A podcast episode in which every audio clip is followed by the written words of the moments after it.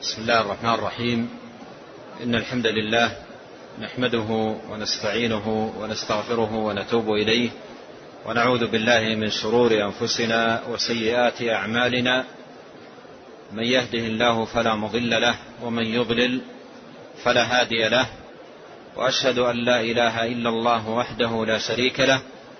وأشهد أن محمدا عبده ورسوله.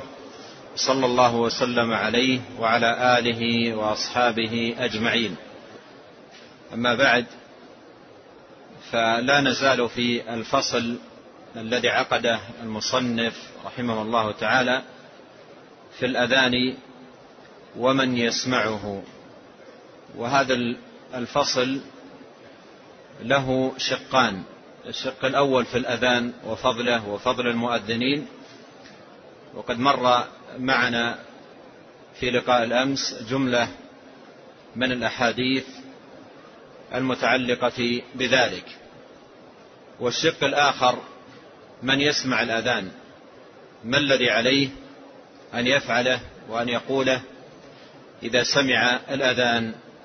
وقد أورد المصنف رحمه الله في هذا جملة من الأحاديث بدأها بحديث أبي سعيد الخدري رضي الله عنه أن النبي عليه الصلاة والسلام قال إذا سمعتم النداء فقولوا مثل ما يقول المؤذن. وقد مر معنا الكلام على هذا الحديث في لقاء الأمس. نعم. الحمد لله والصلاة والسلام على رسول الله. قال المؤلف رحمه الله وخرج مسلم عن عبد الله بن عمرو رضي الله عنهما أنه سمع النبي صلى الله عليه وسلم يقول إذا سمعتم المؤذن فقولوا مثل ما يقول ثم صلوا علي فإنه من صلى علي صلاة صلى الله عليه بها عشرا ثم صلوا الله لي الوسيلة فإنها منزلة في الجنة لا تنبغي إلا لعبد من عباد الله وأرجو أن أكون أنا هو فمن سأل لي الوسيلة حلت له الشفاعة. أورد المصنف رحمه الله هذا الحديث حديث عبد الله بن عمرو بن العاص رضي الله عنهما أنه سمع النبي صلى الله عليه وسلم يقول إذا سمعتم المؤذن فقولوا مثل ما يقول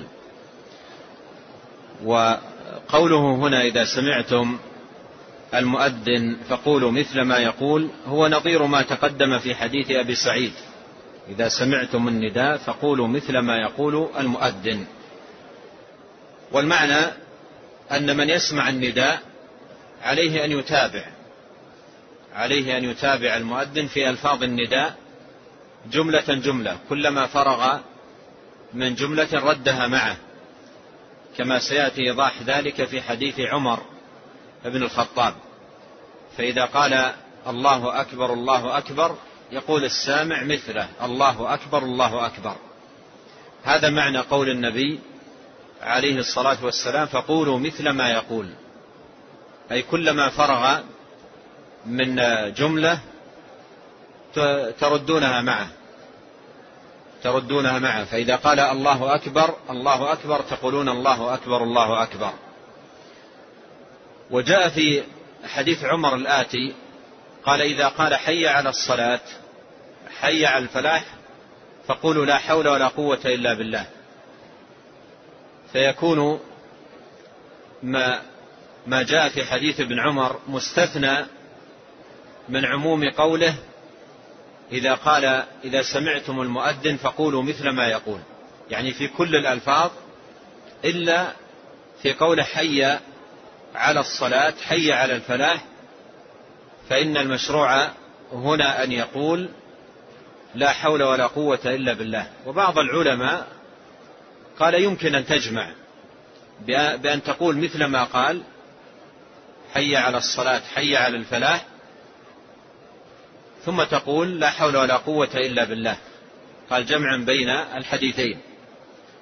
ولعل الأظهر والله أعلم أن أن يؤتى بالترداد كما هو مبين في حديث عمر بن الخطاب.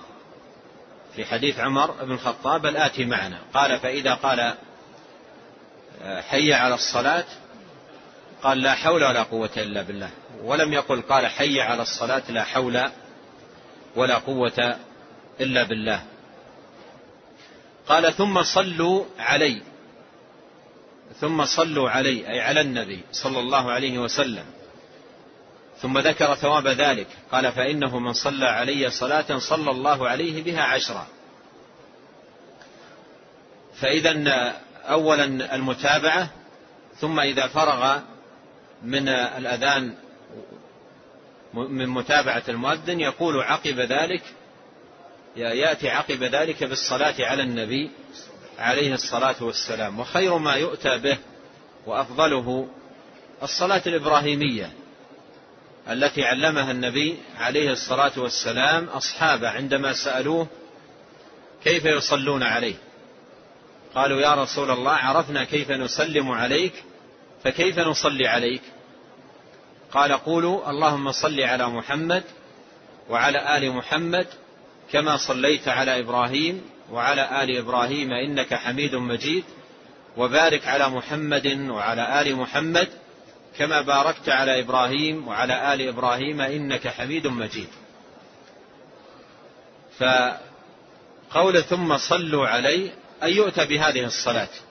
يؤتى بهذه الصلاة الثابتة عن النبي عليه الصلاة والسلام. وليحذر المسلم في هذا المقام من الصلوات المخترعة التي أنشأها المتكلفون. وإن فخموا أسماءها. وإن فخموا أسماءها تغريرا بالعوام.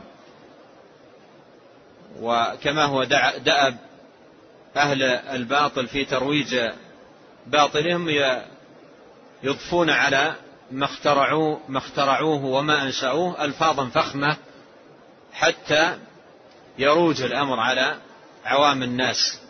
مثل أن يسمي بعضهم الصلاة النورانية. أو مثلا الصلاة يلقبونها بألقاب فخمة بحيث يتزخرف هذا الأمر لدى العوام ويفخم أمره ويظنون أنه شيء مشروع أو مأذون به وهو من محدثات الأمور التي يجب أن تقترح والزخرفة لهذه الصلوات المخترعة التي تروج على العوام هي أنواع. فمنها الزخرفة باختيار العناوين الكبيرة مثل ما ذكرت الصلاة النورانية أو زخرفة الكتاب نفسه وتجميله. حتى إن بعضهم يطبع بعض هذه الصلوات بطباعة شبيهة بطباعة المصحف. كل ذلك استجلابا للعوام وتمشية لهذه الأشياء المحدثة وتنفيقا لها عند العوام. فكل هذا يترك يصلى عليه صلى الله عليه وسلم كما علم أمته أن يصلوا عليه. قالوا عرفنا كيف نسلم عليك فكيف نصلي عليك؟ قال قولوا اللهم صل على محمد وعلى آل محمد كما صليت على إبراهيم وعلى آل إبراهيم.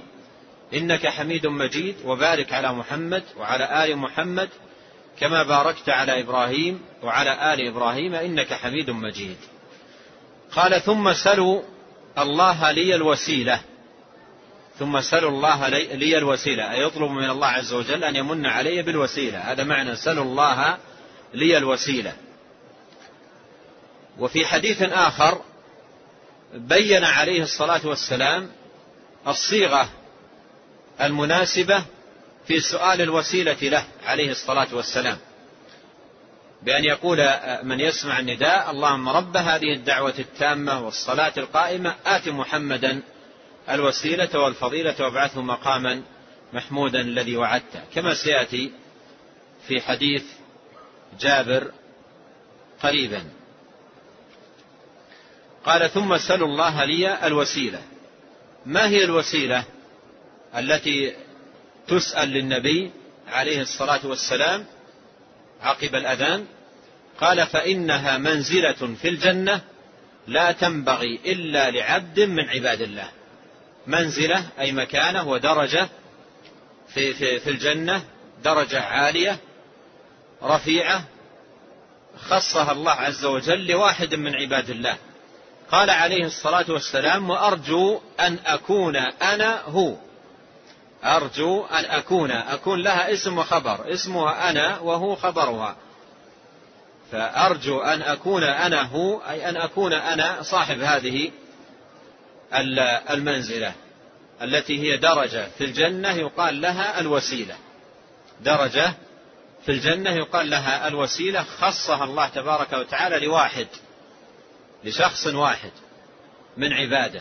يقول عليه الصلاة والسلام وأرجو أن أكون أنا أن أكون أنا هو. ثم ذكر الثواب الذي يناله من يحافظ على هذه الدعوة العظيمة. قال فمن سأل لي الوسيلة حلت له الشفاعة. فمن سأل لي الوسيلة حلت له الشفاعة يعني حلت له شفاعة النبي عليه الصلاة والسلام. وهذا فيه إثبات الشفاعة. له صلى الله عليه وسلم وأنه يشفع للناس آه، عند الله يوم القيامة ويأذن له رب العالمين بالشفاعة. وشفاعته ليست نائلة كل أحد. شفاعته ليست نائلة كل أحد بل لا ينالها إلا من كان موحدا. لا ينالها إلا من كان موحدا. أما من يشرك بالله فلا حظ له في شفاعة النبي عليه الصلاة والسلام كما أنه لا حظ له في رحمة الله ومغفرته. قال الله تعالى إن الله لا يغفر أن يشرك به ويغفر ما دون ذلك لمن يشاء. وقد جاء في صحيح مسلم عن النبي صلى الله عليه وسلم أنه قال لكل نبي دعوة مستجابة. لكل نبي دعوة مستجابة. وإني ادخرت دعوتي شفاعة لأمتي يوم القيامة. وإني ادخرت دعوتي شفاعة لأمتي يوم القيامة. قال وإنها نائلة إن شاء الله من لا يشرك بالله شيئا. لاحظ هنا ماذا قال وإنها نائلة إن شاء الله من لا يشرك بالله شيئا. فأشار عليه الصلاة والسلام أن الشفاعة لا تنال إلا بشرطين. الأول في قوله إن شاء الله يعني بإذنه. لا شفاعة إلا بإذن الله إذن, إذن الله للشافع. قال تعالى من ذا الذي يشفع عنده إلا بإذنه. والشرط الثاني في قوله آه، صلى الله عليه وسلم من لا يشرك بالله شيئا. وهؤلاء من رضيهم الله عز وجل وهم أهل التوحيد. فالشفاعة لا تنال إلا بشرطين إذن الله للشافع وهذا في قوله إن شاء الله ورضا الله عن المشفوع له وهذا في قوله من لا يشرك بالله شيئا لأن المشرك لا يرضى الله عنه. قال الله عنهم فما تنفعهم شفاعة الشافعين فما تنفعهم شفاعة الشافعين. قال فمن سأل لي الوسيلة حلت له الشفاعة. هذا الحديث يفيد أن شفاعة النبي عليه الصلاة والسلام تنال بأسباب وفي الحديث سبب من أسباب نيلها وأعظم أسباب نيلها أمران بل أصلان لا بد منهما. الأول إخلاص العبادة لله تبارك وتعالى. ولهذا جاء في حديث أبي هريرة في صحيح مسلم قال قلت يا رسول الله من أسعد الناس بشفاعتك يوم القيامة؟ قال من قال لا إله إلا الله خالصا من قلبه. قال من قال لا إله إلا الله خالصا من قلبه. فهذا الأمر الأول. الأمر الثاني اتباع النبي عليه الصلاة والسلام والسير على منهاجه. والقيام بالأعمال الصالحة التي أمر بها ودعا إليها. ولهذا جاء, جاء في الحديث الصحيح أن رجلا قال للنبي عليه الصلاة والسلام أسألك مرافقتك في الجنة أن أكون رفيقا لك في الجنة. فقال له عليه الصلاة والسلام أعني على نفسك بكثرة السجود. أشار إلى الاتباع والعمل والاقتداء بالنبي عليه الصلاة والسلام. كذلك البعد عن الحرام. البعد عن عن الحرام وعما نهى عنه عليه الصلاة والسلام. فقد جاء في صحيح البخاري أنه عليه الصلاة والسلام ذكر يوما الغلول والغلول أخذ المال بغير الحق. أخذ المال بغير الحق. ذكر الغلول فعظم أمره ثم قام خطيبا عليه الصلاة والسلام. وقال صلى الله عليه وسلم لا يأتين أحدكم يوم القيامة وعلى رقبته بعير له رغاء. فيقول يا رسول الله أغثني فأقول لا أملك لك شيئا قد أبلغتك. فأقول لا أملك لك شيئا قد أبلغتك. قال لا يأتين أحدكم يوم القيامة وعلى رقبته فرس له حمحمة. فيقول يا رسول الله أغثني. فأقول لا أملك لك شيئا قد أبلغتك.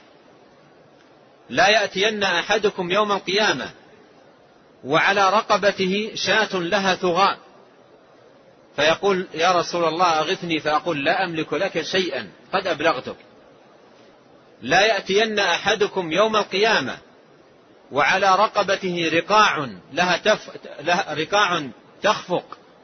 يعني فيها مظالم وحقوق للناس. فأقول فيقول يا رسول الله أغثني فأقول لا أملك لك شيئا قد أبلغتك.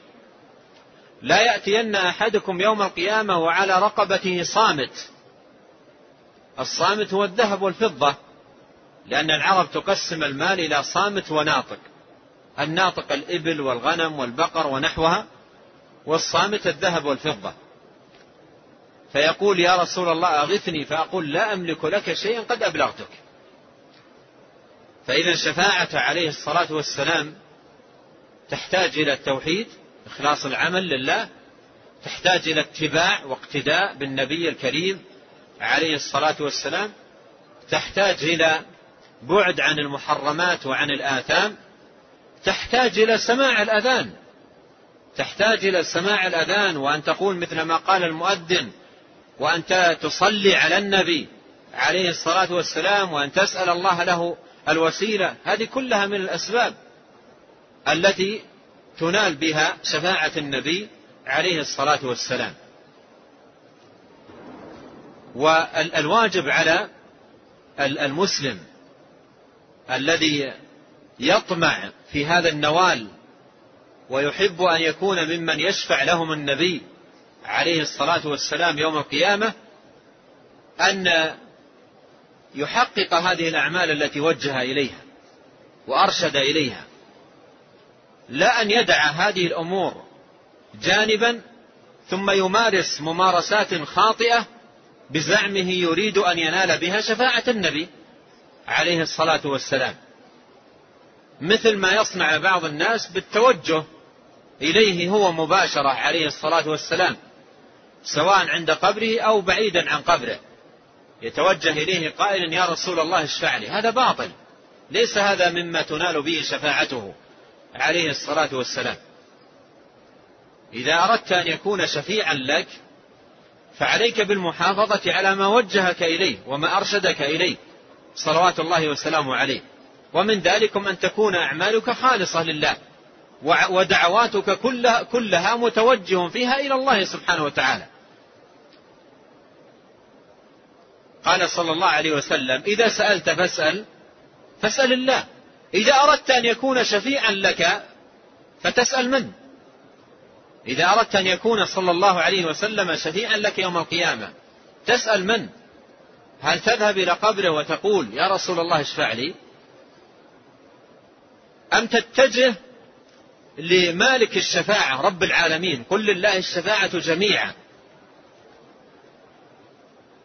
الواجب أن يتجه المسلم لله تبارك وتعالى. فإذا أردت أن يكون صلى الله عليه وسلم شفيعا لك يوم القيامة فاتجه إلى الله. قل اللهم اجعل نبيك صلى الله عليه وسلم شفيعا لي. اللهم اجعله شفيعا لي يوم القيامة. انظر الآن الناس يوم القيامة يأتون إليه أغثني أغثني فماذا يقول لهم؟ لا أملك لك شيئا قد أبلغتك. فإذا الواجب هو إخلاص التوحيد لله وحسن المتابعة لرسول الله عليه الصلاة والسلام والبعد عن الحرام والأخذ بالأسباب التي تنال بها شفاعة النبي الكريم عليه الصلاة والسلام. أما أن نطلب منه عليه الصلاة والسلام ونتوجه إليه في دعائنا فهذا باطل. التوجه إلى الله. لا يقال يا رسول الله اشفع لي وإنما يقال يا رب العالمين شفع في رسولك. اللهم اجعل رسولك صلى الله عليه وسلم شفيعا لي يوم القيامة. إذا سألت فاسأل الله وإذا استعنت فاستعن بالله. هذا الذي يجب على كل مسلم. قال فمن سأل لي الوسيلة حلت له الشفاعة. في هذا دليل على أن الصلاة عليه صلى الله عليه وسلم ودعاء الله عز وجل بأن يؤتيه الوسيلة من أسباب نيل شفاعته صلى الله عليه وسلم يوم القيامة. ونسأل الله الكريم رب العرش العظيم بأسماء الحسنى وصفات العلى أن يجعله شفيعا لنا يوم القيامة. نعم. قال رحمه الله وقال عمر بن الخطاب رضي الله عنه قال رسول الله صلى الله عليه وسلم إذا قال المؤذن الله أكبر الله أكبر فقال أحدكم الله أكبر الله أكبر ثم قال أشهد أن لا إله إلا الله قال أشهد أن لا إله إلا الله ثم قال أشهد أن محمدا رسول الله قال أشهد أن محمدا رسول الله. ثم قال حي على الصلاة. قال لا حول ولا قوة إلا بالله. ثم قال حي على الفلاح. قال لا حول ولا قوة إلا بالله. ثم قال الله أكبر الله أكبر. قال الله أكبر الله أكبر. ثم قال لا إله إلا الله. قال لا إله إلا الله. قال لا إله إلا الله من قلبه دخل الجنة. خرجه مسلم. حديث عمر بن الخطاب رضي الله عنه فيه تفصيل للإجمال الذي مر معنا في حديث أبي سعيد وحديث عبد الله بن عمرو بن العاص. في الحديثين المتقدمين قال إذا سمعتم المؤذن فقولوا مثل ما يقول. تفصيل ذلك جاء في هذا الحديث. ولعله لذلك أتى بها المصنف رحمه الله مرتبة هذا الترتيب. جاء أولا بالأحاديث التي أجملت المطلوب من سامع المؤذن ثم أعقبه بحديث عمر بن الخطاب الذي فيه التفصيل. قال قال رسول الله صلى الله عليه وسلم إذا قال المؤذن الله أكبر الله أكبر فقال أحدكم الله أكبر الله أكبر. هذا معنى قوله فقولوا مثل ما يقول. إذا قال الله أكبر الله أكبر فقولوا فقال أحدكم الله أكبر الله أكبر. هنا لاحظ ملاحظة مستفادة من حديث آه، عمر ومستفاد أيضا من الحديث الذي قبله. إذا سمعتم المؤذن فقولوا. متى تقول؟ متى تقول؟ يعني لاحظ خطأ شائع عند كثير من العوام. تجد بعضهم يسابق المؤذن. بعضهم يسابق المؤذن. بعضهم يعني ربما يقول مع المؤذن وبعضهم وغالبا هذا يقع في آخر الأذان كثيرا ما يقع. ربما قد تلاحظون ذلك. في آخر الأذان عندما يقول المؤذن في تمام الأذان. الله أكبر الله أكبر. تجد عدد يقول الله أكبر الله أكبر لا إله إلا الله. ولم يقلها بعد المؤذن. ولم يقلها بعد المؤذن. هذه من المسابقة وهو مخالف للحديث. فهنا قال إذا سمعتم المؤذن فقولوا مثل ما يقول. وفي التفصيل قال إذا قال المؤذن الله أكبر الله أكبر فقال أحدكم الله أكبر الله أكبر. إلى نهاية الألفاظ. تستمع أولا. إذا انتهى تقول مثله. فلم يقل قل معه ولم يقل سابق ولكن إذا إذا انتهى سمعته وفرغ من من الجملة تقولها أنت. قال إذا قال المؤذن الله أكبر الله أكبر فقال أحدكم الله أكبر الله أكبر. وقوله الله أكبر هذا فيه تكبير الله عز وجل فيه تكبير الله عز وجل وفيه اعتقاد أنه لا أكبر منه سبحانه وتعالى فمعنى قوله الله أكبر أي من كل شيء الله أكبر أي من كل شيء. ومما يبين ذلك ما جاء في الحديث حديث عدي قال ما يفرك أيفرك أن يقال الله أكبر؟ وهل شيء أكبر من الله؟ وهل شيء أكبر من الله؟ فإذا في قولك الله أكبر تكبير الله. ولهذا يقال لهذه الكلمة التكبير أي تكبير الله عز وجل واعتقاد أنه لا أكبر منه. والبدء بالتكبير في ألفاظ الأذان وكذلك البدء بالتكبير في الصلاة تحريمها التكبير كل ذلك حتى تذهب من قلبك الأشياء التي كبرت في قلبك. من الحكمة في هذا أن تذهب من من قلبك ومن نفسك الأشياء التي كبرت في قلبك. أحيانا تكبر أمور دنيوية في قلب الإنسان فتملأ قلبه. تملأ قلبه وتستوعب قلبه تماما. ولا يبقى في قلبه متسع لشيء آخر.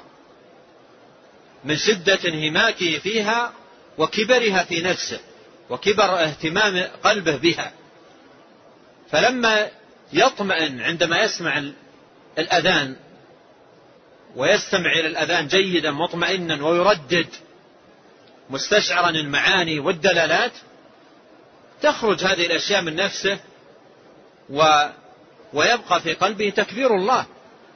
يبقى في قلبه تكبير الله سبحانه وتعالى. ولهذا يبدأ بالتكبير. الله أكبر الله أكبر الله أكبر الله أكبر أربع مرات. وفي الصلاة أول ما يبدأ يكبر الله سبحانه وتعالى. إذا حصل التكبير من الإنسان مع حضور قلب إذا حصل التكبير منه بحضور قلب وطمأنينة نفس تذهب الأشياء التي في قلب الإنسان ويحل محلها الطمأنينة والانشغال بذكر الله عز وجل كما يحب كما يحب سبحانه من عباده. قال ثم قال أي المؤذن أشهد أن لا إله إلا الله. قال أي السامع أشهد أن لا إله إلا الله. ومعنى قوله أشهد أن لا إله إلا الله أي أقر وأعترف وأعلن بأن الله عز وجل هو المعبود بحق ولا معبود بحق سواه. هذا هو معنى لا إله إلا الله. لأن لا إله إلا الله فيها نفي وإثبات النفي في أولها والإثبات في آخرها. نفي عام في أولها لا إله. نفي عام للعبودية عن كل من سوى الله وإثبات خاص في آخرها للعبودية بكل معانيها لله وحده. وهذا هو التوحيد. التوحيد هو مدلول لا إله إلا الله وهو يتكون من مجموع النفي والإثبات. فلا توحيد إلا بالنفي والإثبات الذي دلت عليه كلمة التوحيد لا إله إلا الله. النفي أن تنفي العبودية عن كل من سوى الله والإثبات أن تثبت العبودية بكل معانيها لله وحده تبارك وتعالى. فقولك أشهد أن لا إله إلا الله أي أقر وأعلن وأعترف وأؤمن بأن الله عز وجل هو المعبود بحق ولا معبود بحق سواه. أثبت العبودية بكل معانيها لله وحده وأنفيها عن كل من سواه. فلا يستحقها أحد كائنا من كان. لا ملك مقرب ولا نبي مرسل فضلا عن غيرهما. قال ثم قال أي المؤذن أشهد أن محمد رسول الله. قال أي السامع أشهد أن محمد رسول الله. والشهادة له صلى الله عليه وسلم بالرسالة تعني طاعته فيما أمر وتصديقه فيما أخبر والانتهاء عما نهى عنه وزجر. كما قال الله سبحانه وتعالى وما أرسلنا من رسول إلا ليطاع بإذن الله فإذا قال القائل أشهد أن محمد رسول الله فإن هذه الشهادة تعني طاعته عليه الصلاة والسلام. طاعته فيما أمر وتصديقه فيما أخبر والانتهاء عما نهى عنه وزجر. لأنه رسول صلى الله عليه وسلم والرسول مهمته إبلاغ كلام مرسله وهو عليه الصلاة والسلام بلغ والذي بلغه وجاء به عليه الصلاة والسلام ثلاثة أمور أوامر ونواهي وأخبار. فمن شهد له بالرسالة فعليه أن يطيعه فيما أمر وأن يصدقه فيما أخبر وأن ينتهي عما نهى عنه وزجر. قال ثم قال أي المؤذن حي على الصلاة. قال أي السامع لا حول ولا قوة إلا بالله. لاحظ هنا في هذا الحديث الذي هو مفصل لما سبق مفصل لقول قولوا مثل ما يقول. لم يقل في التفصيل ثم قال حي على الصلاة قال أي السامع حي على الصلاة لا حول ولا قوة إلا بالله. فالأظهر والله أعلم أن السامع في آه، الحي على حي على الصلاة حي على الفلاح يكتفي بقول لا حول ولا قوة إلا بالله. لا حول ولا قوة إلا بالله. وحي على الصلاة معناها هلموا إليها. أقبلوا إلى الصلاة. دعوا أعمالكم. دعوا مصالحكم. وأقبلوا على الصلاة.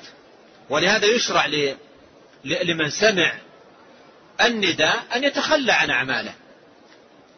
كان بعض السلف آه، كان أحد السلف نجارا. وذكروا في ترجمته أنه إذا مسك المطرقة ليضرب بها مسمارا في صنعته فإذا قال المؤذن الله أكبر ترك المطرقة ولم يكمل الضربة التي هم بها. ترك المطرقة ولم يكمل الضربة. يعني رفع المطرقة ليضرب فإذا سمع قال الله أكبر ألقاها جانبا ومشى. ما ما يكمل ما يقول رفعت أضرب فقط هذه حتى هذه يدعها. من شدة الحرص.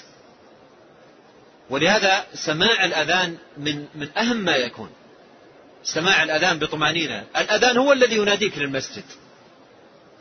فإذا, فإذا لم تستمع له جيدا وتردد معه ضعف إتيانك للمسجد. ولهذا قلت بالأمس أن أكثر الذين يأتون متأخرين يأتون في والإمام في الركوع الأول أو الثاني أو الثالث أو في التشهد غالب هؤلاء لم يعطوا الأذان اهتماما. غالب هؤلاء لم يعطوا الأذان اهتماما لم يستمعوا إليه فضلا عن أن يرددوا مع المؤذن. فينشأ عن هذا التقصير التقصير في التبكير للصلاة. وينشأ عن حسنة سماع الأذان والترديد معه حسنة التبكير والحسنة تنادي أختها. فإذا سمعت المؤذن وتخليت عن أعمالك وعن كلامك وأخذت تستمع إليه بطمانينة وتردد معه فإن هذه الحسنة التي وقعت منك تدعوك إلى حسنة أخرى وهي حسنة التبكير للصلاة. والحسنة تجر الحسنة تنادي أختها. قوله حي على الصلاة أي هلم هلموا إليها أقبلوا إليها. والأذان نداء للصلاة. فإذا قال حي على الصلاة يشرع في حقك أيها السامع أن تقول ماذا؟ لا حول ولا قوة إلا بالله. وعرفنا غير مرة أن هذه الكلمة كلمة استعانة. لا حول ولا قوة إلا بالله. كلمة استعانة. كلمة فيها طلب عون من الله. لا حول ولا قوة إلا بالله. أي لا تحول من حال إلى حال ولا حصول قوة للعبد يقوم بها بتحقيق أعماله ومصالحه. إلا بالله أي بعونه وتوفيقه ومده فهي كلمة استعانة. ولهذا تشرع في مثل هذه المقامات. إذا إذا خرجت من بيتك يشرع لك أن تقول لا حول ولا قوة إلا بالله. إذا قمت من نوم الليل مر معنا يشرع لك أن تقول لا حول ولا قوة إلا بالله. إذا نودي للصلاة يشرع لك أن تقول لا حول ولا قوة إلا بالله. في كل ذلك تطلب عون الله عز وجل. المنادي يقول حي على الصلاة وأنت تريد أن تصلي ولا يمكن أن تصلي إلا إذا عانك الله فتطلب عونه قائلا لا حول ولا قوة إلا بالله. تطلب عونه قائلا لا حول ولا قوة إلا بالله. فهي كلمة استعانة. قال ثم قال حي على الصلاة قال لا حول ولا قوة إلا بالله. ثم قال حي على الفلاح. ثم قال أي المؤذن حي على الفلاح. والفلاح هو الثواب والأجر والخير المترتب على الصلاة. فالمؤذن في هذا النداء مرة ينادي إلى الصلاة نفسها ومرة ينادي إلى الخيرات والأجور والثواب المتحصل منها. فمرة ينادي إلى الصلاة حي على الصلاة أي هلموا إليها. ومرة ينادي إلى ثوابها وخيراتها والأجور المترتبة عليها بقوله حي على الفلاح. والفلاح كما قال العلماء أجمع كلمة لحيازة خيري الدنيا والآخرة. أجمع كلمة لحيازة خيري الدنيا والآخرة. المفلح هو من حاز خيري الدنيا والآخرة. ولهذا قوله حي الفلاح أي تعالوا لتحصيل الخير الدنيوي المترتب على الصلاة وتحصيل الخير الأخروي المترتب عليها. كله يدخل تحت قوله حي على الفلاح. وهذا فيه إشارة إلى أن الصلاة يترتب عليها خيرات لا حد لا حد لها ولا عد دنيوية وأخروية. يدل على ذلك قوله حي على الفلاح. فالفلاح يجمع خيري الدنيا والآخرة. يجمع خيري الدنيا والآخرة. قال ثم قال حي على الفلاح قال لا حول ولا قوة إلا بالله. أيضا هنا قوله لا حول ولا قوة إلا بالله عند سماع المؤذن وهو يقول حي على الفلاح. فيه دلالة أن قيامك بالعبادة ونيلك ثوابها كل ذلك لا يكون إلا بماذا؟ إلا بتوفيق الله ومنه. ولهذا شرع لنا أن نقولها عند عند المنادات للصلاة وأيضا أن نقولها عند المنادات لثواب الصلاة وأجرها في قول حي على الصلاة في قول حي على الفلاح. فأنت لا لا تستطيع أن تنهض لتصلي إلا بعون الله ولا تستطيع أن تحصل ثواب الصلاة وأجورها إلا بتوفيق الله ومنه سبحانه وتعالى. فلهذا أنت تحتاج إلى طلب العون من الله سبحانه وتعالى في فعل العبادة وفي نيل ثوابها. قال ثم قال الله أكبر الله أكبر. قال الله أكبر الله أكبر. أي قال السامع الله أكبر الله أكبر. ثم قال أي المؤذن لا إله إلا الله. قال لا إله إلا الله. أي قال مثل ما قال. ثم انظر ماذا ختم النبي عليه الصلاة والسلام الحديث. قال من قلبه. قال من قلبه. وهذا فيه أن أن القلب ينبغي أن يكون حاضرا مع هذه الكلمات. أن القلب ينبغي أن يكون حاضرا مع هذه الكلمات. لا أن يقولها بلسانه وقلبه غافل. لا أن يقولها بلسانه وقلبه غافل. بل ينبغي أن يكون قوله لهذه الكلمات بلسانه وقلبه. وهذا معنى قول من قلبه. يعني أن يقولها بلسانه نطقا. وبقلبه ماذا؟ استحضارا. استحضارا لهذه المعاني الجليلة العظيمة الكبيرة حتى يعمر قلبه بها. بدل أن يكون قلبه مشغول بدنياه وأموره ومصالحه يشغل بهذه بهذه المعاني. فإذا ليس المطلوب فقط أن تردد هذه الألفاظ باللسان مع انشغال القلب عنها وانصرافه عنها بل يقولها من قلبه. بل يقولها من قلبه يعني يقولها بحضور قلب. قال الله تعالى إن في ذلك لذكرى لمن كان له قلب أي قلب حاضر. إن في ذلك لذكرى لمن كان له قلب أو ألقى السمع وهو شهيد. هذا الذي ينتفع. هذا الذي ينتفع الذي يكون قلبه حاضر. في الدعاء قال عليه الصلاة والسلام ادعوا الله وأنتم موقنون بالإجابة فإن الله لا يستجيب دعاء قلب دعاء من قلب غافل. من قلب غافل. فالإنسان يطرد الغفلة. يحاول إذا سمع الأذان أن يطرد الغفلة من قلبه ويبعدها من قلبه ويحضر بقلبه ويبدأ يستمع جيدا للمؤذن ويقول مثل ما يقول ويجاهد نفسه على استحضار معاني هذه الكلمات العظيمة. هذا معنى قوله من قلبه من قلبه. أي يستحضر المعاني ويحقق الإخلاص لله تبارك وتعالى في ترداده لهذه في ترداده لهذه الكلمات من قلبه. ما هو الثواب؟ ما هو الثواب؟ قال دخل الجنة. دخل الجنة. وهنا لاحظ ملاحظة عجيبة جدا. في قوله دخل الجنة مرتبا ذلك على استماعك للأذان. وانتبه لهذا. قوله الآن دخل الجنة. مع, مع, أن, مع أن إلى الآن الأعمال التي هذا النداء لأجلها ما جاءت. هذا نداء لأجل ماذا؟ الصلاة. والصلاة إلى الآن ما جاءت. مجرد ما ما ما, ما قال هذه الكلمات قال دخل الجنة. ماذا تستفيد من هذا؟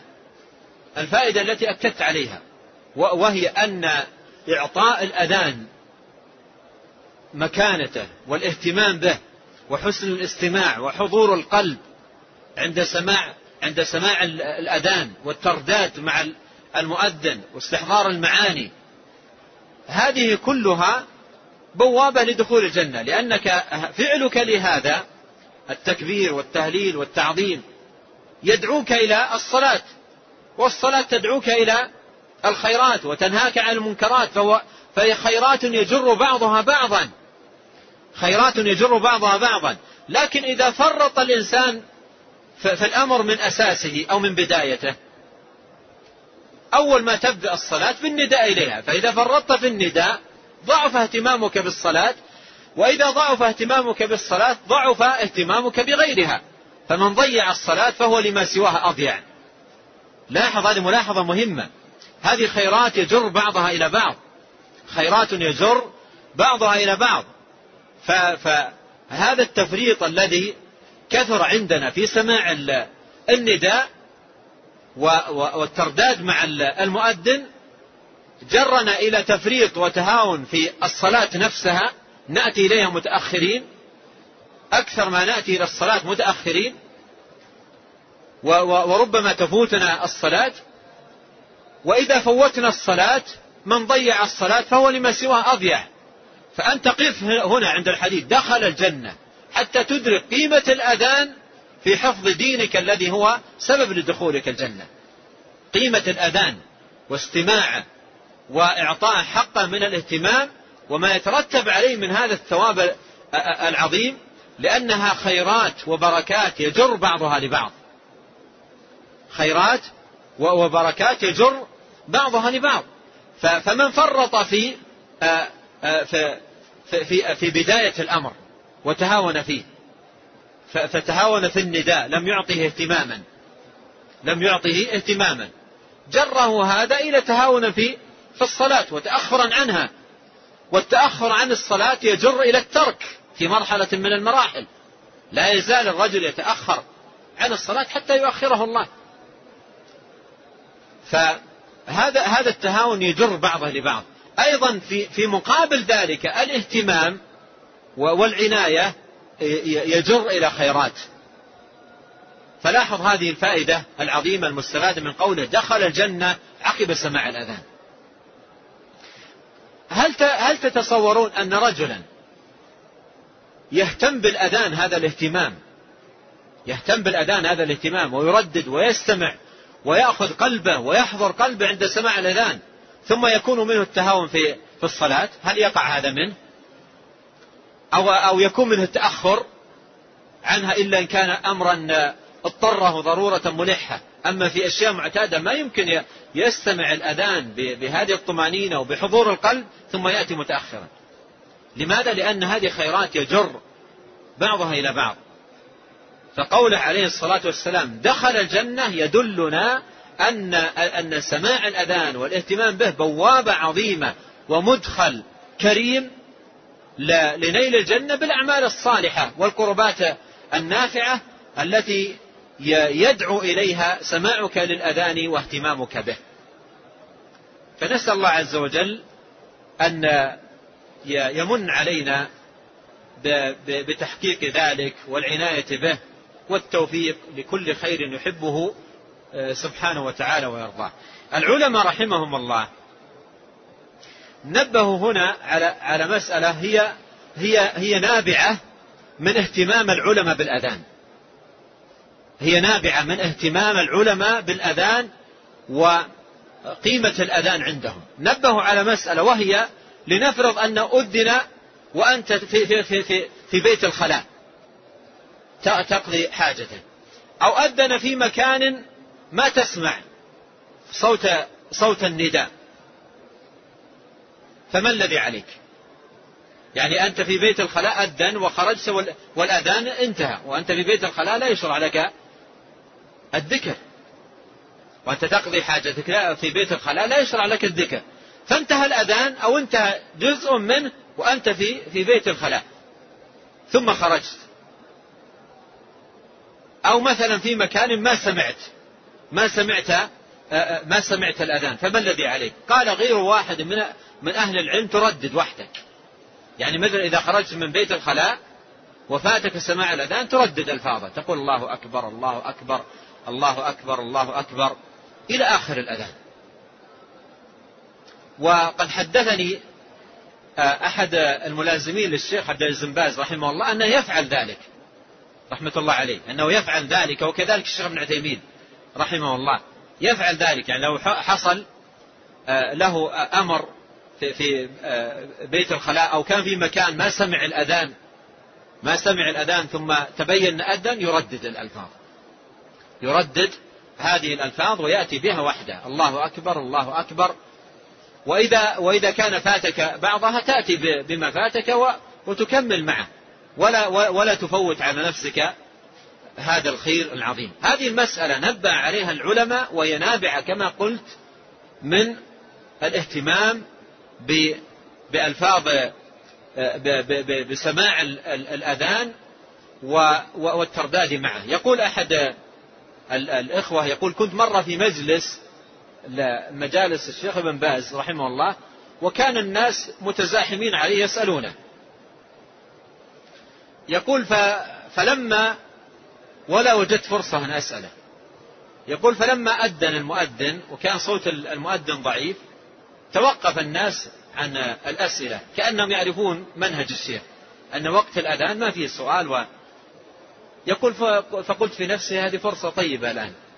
فرصة طيبة ما أحد الآن يسأل الشيخ أذهب وأسأله فتقدم إلى الشيخ وقال يا شيخ عندي سؤال أريد أن أسأله عنه قال اسمع الأذان. قال اسمع الأذان. فكل هذا من اهتمام العلماء وعنايتهم بالأذان ولهذا ينبغي على على طلاب العلم وعلى عموم الناس أن يعطوا الأذان هذا الاهتمام. أن يعطوا الأذان هذا الاهتمام.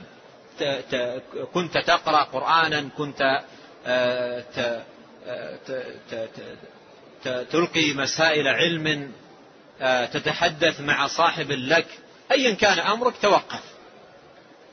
وأفضل عبادة أفضل عبادة تقوم بها عند سماع الأذان أن تستمع وتقول مثل ما يقول المؤذن أفضل من قراءة القرآن.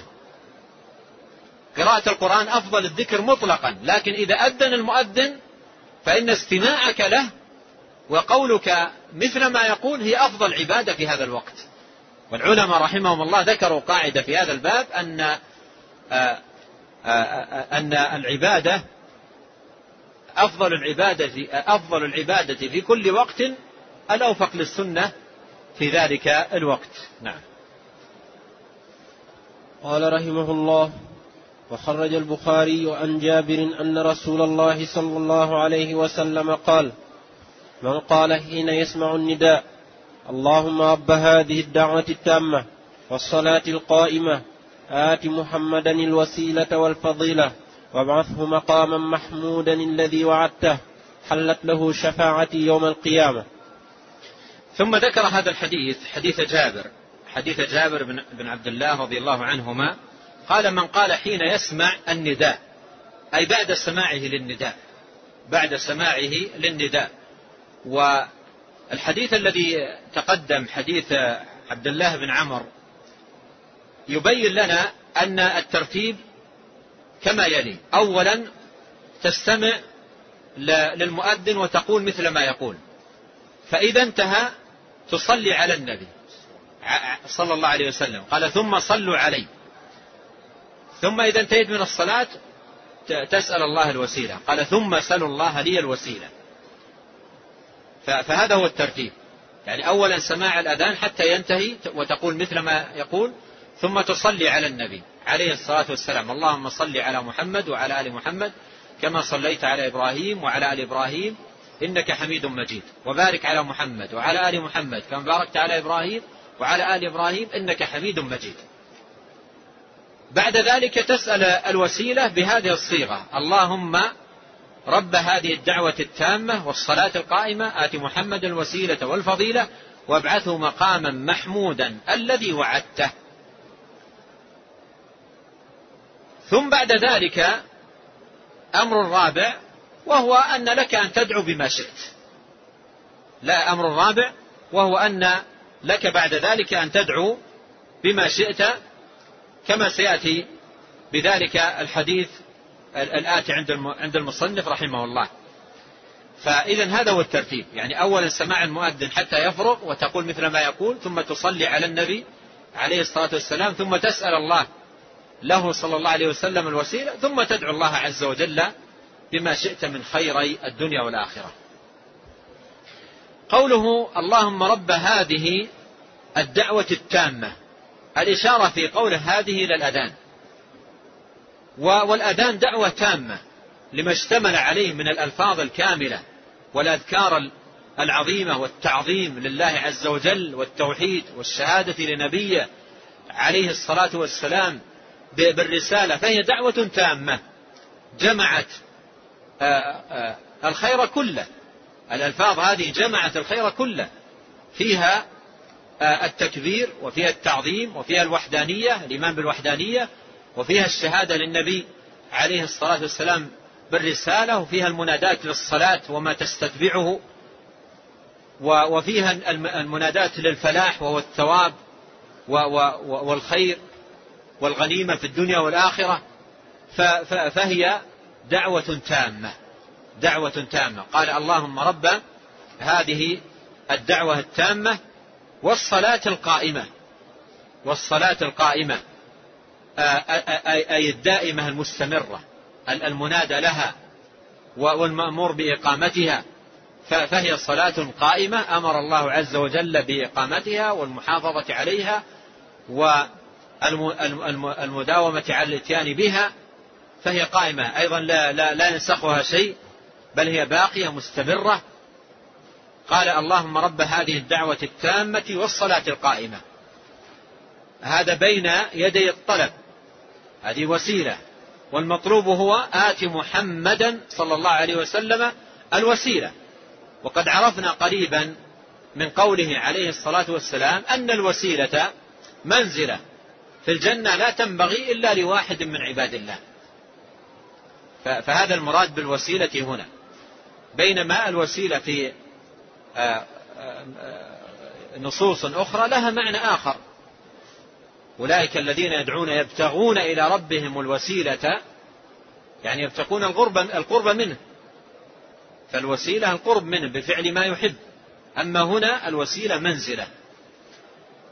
قال آت محمدا الوسيلة والفضيلة. أيضا هذا أمر يطلب للنبي عليه الصلاة والسلام وهو يتضمن علو مكانته ومنزلته وعظمة الخيرات والفضائل. التي يمن الله تبارك وتعالى عليه بها. قال وابعثه مقاما محمودا الذي وعدته. نكر المقام تفخيما له وتعلية لشأنه. وقد جاء عن النبي عليه الصلاة والسلام ما يبين أن المراد بالمقام الشفاعة للناس يوم القيامة التي يغبطه عليها الأولون والآخرون. التي يغبطه عليها الأولون والآخرون. عسى أن يبعثك ربك مقاما محمودا. أن يشفع للناس يوم القيامة.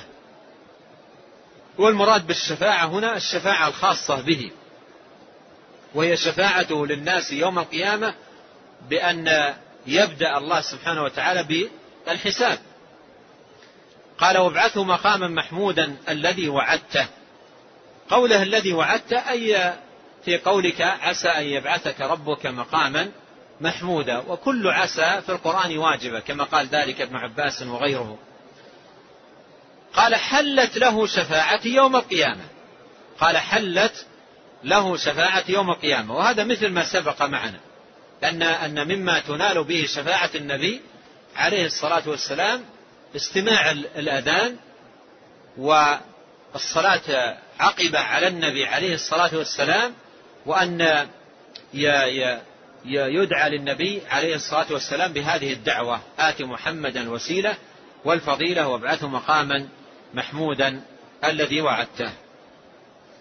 ونبه المحقق في الهامش أن زيادة إنك لا تخلف الميعاد زيادة شاذة. نعم. قال رحمه الله وعن عبد الله بن عمر رضي الله عنهما أن رجلا قال يا رسول الله إن المؤذنين يفضل إن المؤذنين يفضلوننا. فقال رسول الله صلى الله عليه وسلم قل كما يقولون. فإذا انتهيت فسل تؤطه. خرجه أبو داود. ثم أورد هذا الحديث حديث عبد الله بن عمر أن رجلا قال يا رسول الله إن المؤذنين يفضلوننا. ماذا نستفيد؟ من هذا الحديث فيما يتعلق في فضل الأذان. أن مستقر عند الصحابة وعند عموم المسلمين السبق الذي حازه المؤذنون. هذا مستقر. ولهذا لم يأتي يسأل عنه. لأن أمر مستقر عندهم أن المؤذنين لهم هذا السبق العظيم. وقد مر معنا لو يعلم الناس ما في النداء والصف الأول ثم لم يجدوا إلا أن يستهموا عليه لاستهموا يعني يقترعوا. فهذا أمر مستقر عندهم يعرفونه ولهذا جاء هذا الصحابي يطلب شيئا لمن يسمع الأذان. لمن يسمع الأذان. فقال إن المؤذنين يفضلوننا أي يسبقوننا بالفضل لأنهم حازوا فضل الندى. حازوا فضل الندى للصلاة. قال إن المؤذنين يفضلوننا. فقال يا رسول الله قل كما يقولون. قل كما يقولون. فإذا انتهيت فسل تعطى. فأرشد عليه الصلاة والسلام أن العبد يحوز الفضل ويحوز الخير إذا سمع المؤذن إذا استمع إلى المؤذن استماعا تاما لألفاظ النداء وقال مثل ما قال. قل كما يقولون يعني استمع أصغي إليه وقل مثل ما قال أي كما هو مبين في حديث عمر بن الخطاب المتقدم. فإذا انتهيت فسل تعطى. فإذا انتهيت فسل تعطى. وهذا فيه أن الدعوة مستجابة. لأن قال تعطى أي أن الدعوة مستجابة. وقوله فسل قوله فسل تعطى. سل هذا فعل ينصب مفعولين. أين هما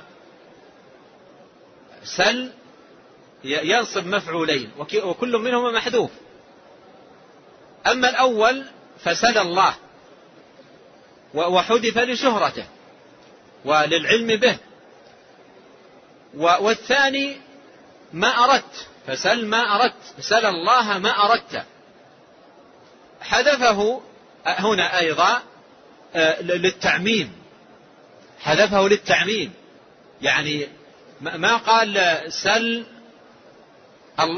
ما قال سل الله آه، حاجتك مثلا الدنيوية أو مثلا سل الله الجنة أو مثلا سل الله النجاة من النار أو سل الله قال سل تعطى حذفه حذفه قال العلماء أي للتعميم ليعم. سل ما شئت. سل ما, سل ما شئت من خيري الدنيا والآخرة تعطى أي أن الدعاء مستجاب.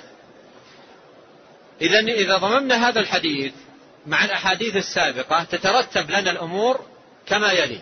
أولا نسمع المؤذن ونقول مثل ما يقول. ثانيا إذا انتهى نقول اللهم صل على محمد إلى آخر الصلاة الإبراهيمية. ثالثا نقول اللهم رب هذه الدعوة التامة والصلاة القائمة إلى آخرها. رابعا ندعو بما نشاء من خير الدنيا والآخرة. فهذه الأمور مرتبة ويدل عليها مجموع هذه الأحاديث. نعم. قال رحمه الله وقال أنس رضي الله عنه قال رسول الله صلى الله عليه وسلم الدعاء لا يرد بين الأذان والإقامة. قالوا فماذا نقول يا رسول الله؟ قال سلوا الله العافية في الدنيا والآخرة. قال الترمذي حديث حسن صحيح.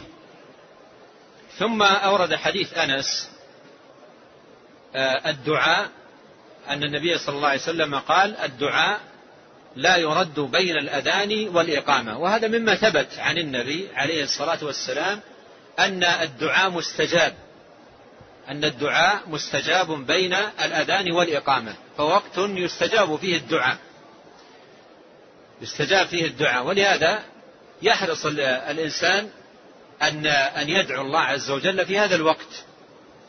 وسواء رفع يديه في الدعاء أو لم يرفعهما. لأن هذا من المواضع التي قال العلماء فيها الأمر فيه واسع. ما يقال من السنة أن ترفع يديك في الدعاء في هذا الموضع ولا يقال ليس من السنة أن ترفع يديك. فالأمر في هذا واسع. إن رفعت يديك فلا بأس وإن لم ترفع يديك لا بأس. لكنه من مواضع إجابة الدعاء من مواضع إجابة الدعاء من المواضع التي يستجاب فيها الدعاء. قال الدعاء لا يرد أي أنه مستجاب بين الأذان والإقامة. فهذا ثابت عن النبي عليه الصلاة والسلام وله شواهد. ونبه المحقق أن الزيادة قالوا ماذا نقول؟ قال سلوا الله العافية في الدنيا والآخرة أن هذه الزيادة لم تثبت. أن هذه الزيادة لم تثبت. لا لكن كونها لم تثبت لا يعني هذا أنه لا يجوز أن يدعى بهذه الدعوة.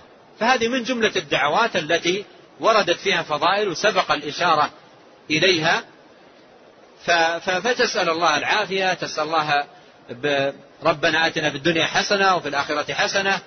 لكن أن تقول من المشروع أن أن نقول بين الأذان والإقامة سلوا الله العافية هذا ما ثبت. لكن إن, إن, إن قلتها على اعتبار أنها دعوة من الدعوات العظيمة مثل ما جاء في حديث العباس عم النبي وفي الأدب المفرد وغيره بسند ثابت جاء إلى النبي عليه الصلاة والسلام وقال يا رسول الله علمني دعاء ندعو الله به. قال سل الله العافية. فكأنه تقال لها وجاء بعد بعد بأيام أو بوقت وقال يا رسول الله علمني دعاء ندعو الله به. قال يا عباس يا عم رسول الله سل الله العافية في الدنيا والآخرة. سل الله العافية في الدنيا والآخرة. ومن أوتي العافية في الدنيا والآخرة أوتي الخير كله. ولهذا سؤال الله العافية من جوامع من جوامع الأدعية. من جوامع الأدعية. فيمكن أن تدعو بهذا أو تقول ربنا آتنا في الدنيا حسنة وفي الآخرة حسنة. أو اللهم أصلح لي ديني أو غير ذلك من الدعوات الثابتة عن النبي صلوات الله وسلامه عليه. نعم. قال رحمه الله وعن سهل بن سعد رضي الله عنه قال قال رسول الله صلى الله عليه وسلم ثنتان لا تردان أو قلما تردان. الدعاء عند النداء وعند البأس حين يلحم بعضهم بعضا. خرجه أبو داود. ثم أورد حديث سهل بن سعد وهو بمعنى حديث أنس في قول ثنتان لا تردان أو قلما تردان الدعاء عند النداء. الدعاء عند النداء. فعند النداء عرفنا أن المطلوب عند النداء أن تستمع. وتقول مثل ما يقول المؤذن. وإذا فرغ كما جاء في حديث عبد الله بن عمر فإذا انتهيت فسل تعطى. فسل تعطى. فإذا قوله ثنتان لا تردان الدعاء عند النداء يوضحه ما جاء في الحديث المتقدم. قال فإذا انتهيت فسل تعطى. وهذا يبين لنا أن الدعاء يكون بعد بعد الانتهاء من سماع النداء. قال ثنتان لا تردان أو قل, قل ما تردان الدعاء عند النداء وعند البأس. وبين المراد بالبأس وهو ملاقاة الأعداء والقتال قال حين يلحم بعضهم بعضا. حين يلحم أي الصفان صف المسلمين صف الكفار في القتال فهذا من أو من من الأحوال التي يجاب فيها الدعاء من الأحوال المباركة العظيمة التي يجاب فيها الدعاء. نعم. قال رحمه الله وعن أم سلمة رضي الله عنها قالت علمني رسول الله صلى الله عليه وسلم أن أقول عند أذان المغرب اللهم هذا إقبال الليل وإدبار نهارك وأصوات دعاتك وحضور صلواتك وحضور صلواتك فاغفر لي. خرجه أبو داود والترمذي. ثم آه، آه، ذكر المصنف هنا حديث أم سلمة رضي الله عنها قالت علمني رسول الله صلى الله عليه وسلم أن أقول عند أذان المغرب. عند أذان المغرب. يعني أن هذا خاص بأذان المغرب. أن أقول اللهم هذا إقبال ليلك. اللهم هذا إقبال ليلك. يعني وقت إقبال الليل. لأن أذان المغرب هذا وقته اللهم هذا إقبال ليلك. أي الوقت الذي نستقبل فيه الليل ويبتدئ فيه الليل. وإدبار نهارك لأن بأذان المغرب ينتهي النهار ويبدأ الليل. وأصوات دعاتك يعني الذين يدعون لك ومن الدعاء النداء بالأذان. اللهم رب هذه الدعوة التامة. وأصوات دعاتك وحضور صلواتك أي صلاة المغرب وتعقبها صلاة العشاء وأيضا النوافل وقيام الليل وحضور صلواتك فاغفر لي. فجاء في هذا الحديث أن هذا يقال عند أذان المغرب. فهذا يناسب أن يقال لو كان الحديث ثبت. لكن نبه المحقق الشيخ الألباني رحمه الله أن في سنده مجهول فلا يعمل به لعدم ثبوته عن النبي صلوات الله وسلامه عليه. قال رحمه الله قال قال في الهامش فيه مجهول وضعيف. في مجهول وضعيف فمثل هذا لا يعمل به. نعم. قال رحمه الله وعن بعض أصحاب النبي صلى الله عليه وسلم أن بلالا أخذ في, في الإقامة فلما أن قال قد قامت الصلاة قال النبي صلى الله عليه وسلم أقامها الله وأدامها خرجه أبو داود. ثم ختم بهذا الحديث عن بعض أصحاب النبي عليه الصلاة والسلام أن بلالا أخذ أي شرع في الإقامة. أخذ في الإقامة شرع في الإقامة يعني المنادات التي هي إشعار بإقامة الصلاة. لما شرع بالإقامة قال فلما أن قال قد قامت الصلاة. قال النبي صلى الله عليه وسلم أقامها الله وأدامها. أقامها أي الصلاة. وأدامها أي الصلاة. فهذه يعني دعوة يحسن أيضا أن يؤتى بها لو كان ثبت الحديث. ولكن نبه أيضا المحقق الشيخ الألباني أن هذا الحديث في سنده مجهول وضعيفان فلا يعمل به. فعلى هذا لا يشرع.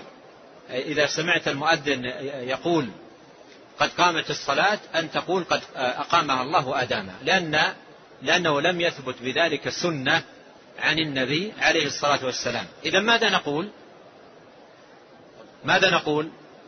قال إذا سمعتم المؤذن فقولوا مثل ما يقول. إذا سمعتم المؤذن فقولوا مثل ما يقول. يبقى هذا على عمومه. يبقى على هذا على عمومه إلا ما جاء في السنة استثناءه. ففي في الأذان قال حي على الصلاة حي الفلاح قال قل لا حول ولا قوة إلا بالله. والباقي يبقى على عمومه. وقوله إذا سمعتم المؤذن ليس خاصا بالأذان بل يشمل الإقامة. إذا سمعتم المؤذن فقولوا مثل ما يقول ليس خاصا بالأذان بل يشمل الإقامة. عموم قوله إذا سمعتم المؤذن فقولوا مثل ما يقول يتناول الأذان ويتناول الإقامة. فإذا إذا قال المؤذن في في إقامته للصلاة قد قامت الصلاة السنة نقول قد قامت الصلاة. لقوله قولوا مثل ما يقول. لو كان هذا الحديث ثبت لو كان هذا الحديث ثبت لقلنا إذا قال قد قامت الصلاة أقامها الله وأدامها. لكن طالما أنه لم يثبت فيبقى الأمر على العموم الوارد في قوله فقولوا مثل ما يقول. فإذا قال حي على الصلاة حي على على الصلاة نقول لا حول ولا قوة إلا بالله. إذا قال قد قامت الصلاة قد قامت الصلاة نقول قد قامت الصلاة قد قامت الصلاة. نقول مثل ما يقول. فقولوا مثل ما يقول. أيضا في أذان الأذان لصلاة الفجر. إذا قال الصلاة خير من النوم السنة أن تقول مثله. الصلاة خير من النوم. فقولوا مثل ما يقول. آه، أيضا في ختام هذا الفصل أنبه إلى ما ثبت عن النبي عليه الصلاة والسلام في صحيح مسلم وغيره آه، ولم يذكره المصنف والمصنف لم يقصد الاستيعاب. عندما يقول للمؤذن أشهد أن لا إله إلا الله في الأذان أشهد أن لا إله إلا الله أشهد أن محمد رسول الله أشهد أن محمد رسول الله من السنة أن تقول في هذا الموضع وأنا أشهد أن لا إله إلا الله وأن محمدا عبده ورسوله رضيت بالله ربا وبمحمد صلى الله عليه وسلم رسولا وبالإسلام دينا. فهذا ثبت عن النبي عليه الصلاة والسلام وهذا موضعه. هذا موضعه, موضعه. أن تقوله بعد آه، التشهد. إذا قال أشهد أن لا إله إلا الله أشهد أن لا إله إلا الله أشهد أن محمد رسول الله أشهد أن محمد رسول الله وقلت مثل ما قال تقول بعد ذلك وأنا أشهد أن لا إله إلا الله وأن محمدا عبده ورسوله. اللهم آه، آه، آه، رضيت بالله ربا وبمحمد صلى الله عليه وسلم رسولا وبالإسلام دينا لثبوت ذلك عن النبي صلوات الله وسلامه عليه. هذا والله تعالى أعلم وصلى الله وسلم على نبينا محمد.